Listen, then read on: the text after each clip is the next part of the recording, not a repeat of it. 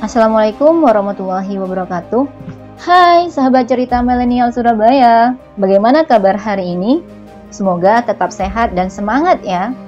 Cemil hari ini akan bercerita tentang Hagia Sophia. Teman-teman pasti tahu dong apa itu Hagia Sophia? Ya, benar. Hagia Sophia adalah masjid yang ada di negara Turki yang sebelumnya juga adalah sebuah gereja pada pemerintahan Yunani sebelum tersentuh oleh Islam. Pada tahun 1453 Masehi, Hagia Sophia berganti fungsi dari gereja ke masjid. Berubahnya fungsi Hagia Sophia dari gereja ke masjid bukan sekedar buah dari kerakusan umat Islam, sebagaimana artikel yang banyak berkembang di sosial media. Tertaklukannya Konstantinopel pada tahun 1453 Masehi sekaligus menjadikan Hagia Sophia dan seluruh wilayah Turki menjadi milik umat Islam. Dan di waktu itu pula pemerintahan Turki yang diperintah di bawah pemerintahan Yunani berubah menjadi pemerintahan Islam atau khilafah. Pada tahun 1924 Masehi, khilafah Utsmaniyah runtuh Kejayaan Islam yang sudah tegak berdiri sejak 13 abad yang lalu dan menguasai 2 per 3 wilayah dunia tersebut saat ini hanya bisa menjadi fakta sejarah yang tak bisa dilupakan oleh umat termasuk Hagia Sophia yang menjadi rumah ibadah umat Islam dan simbol penaklukan Konstantinopel.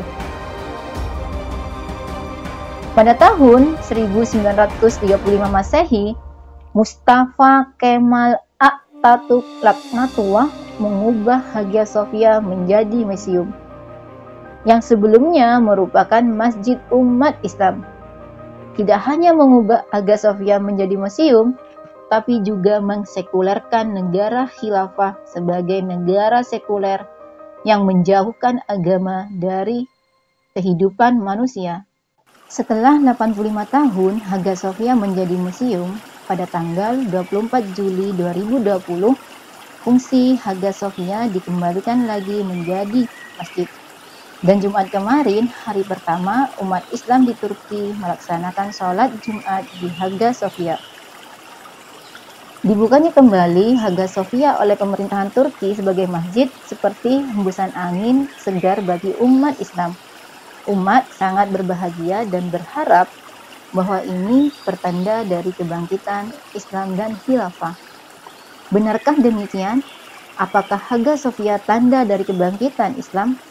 Mungkin iya, karena kembalinya lagi fungsi Hagia Sophia sebagai masjid menambah giroh perjuangan umat Islam dan juga menambah harapan umat di seluruh dunia bahwa kita bisa kembali berjaya seperti dulu.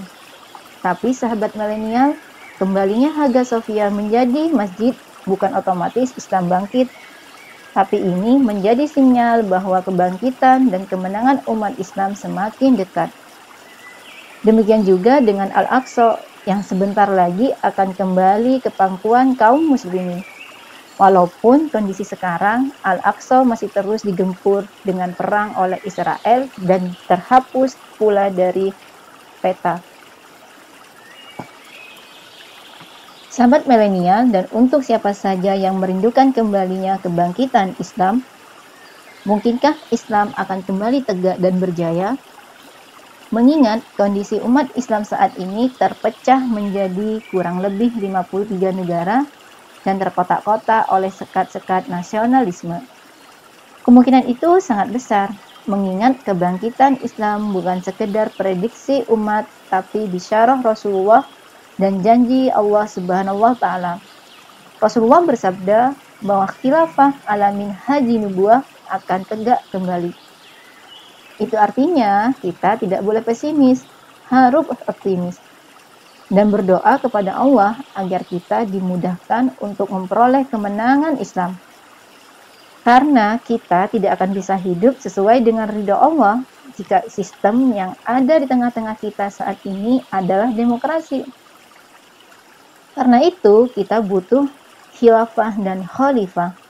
Karena khalifah akan berada di garda terdepan untuk melindungi umat Islam, Dan khalifah tidak akan membiarkan satu helai rambut pun dari warganya disentuh oleh orang yang tidak memiliki hak atasnya. Dan apalagi membiarkan secuil tanahnya dicuri oleh musuh. Karena khalifah dan khilafah adalah junnah bagi umat yang beliau akan berperang dan melindungi umat dengan segenap darah dan nyawanya. Seperti Khalifah Mu'tasim yang mengerahkan seluruh pasukannya untuk membela kehormatan satu muslimah yang dinistakan oleh orang Yahudi ketika di pasar. Bagaimana sahabat milenial? Tidakkah kerinduan kita pada kebangkitan Islam yang sesungguhnya semakin membuncah?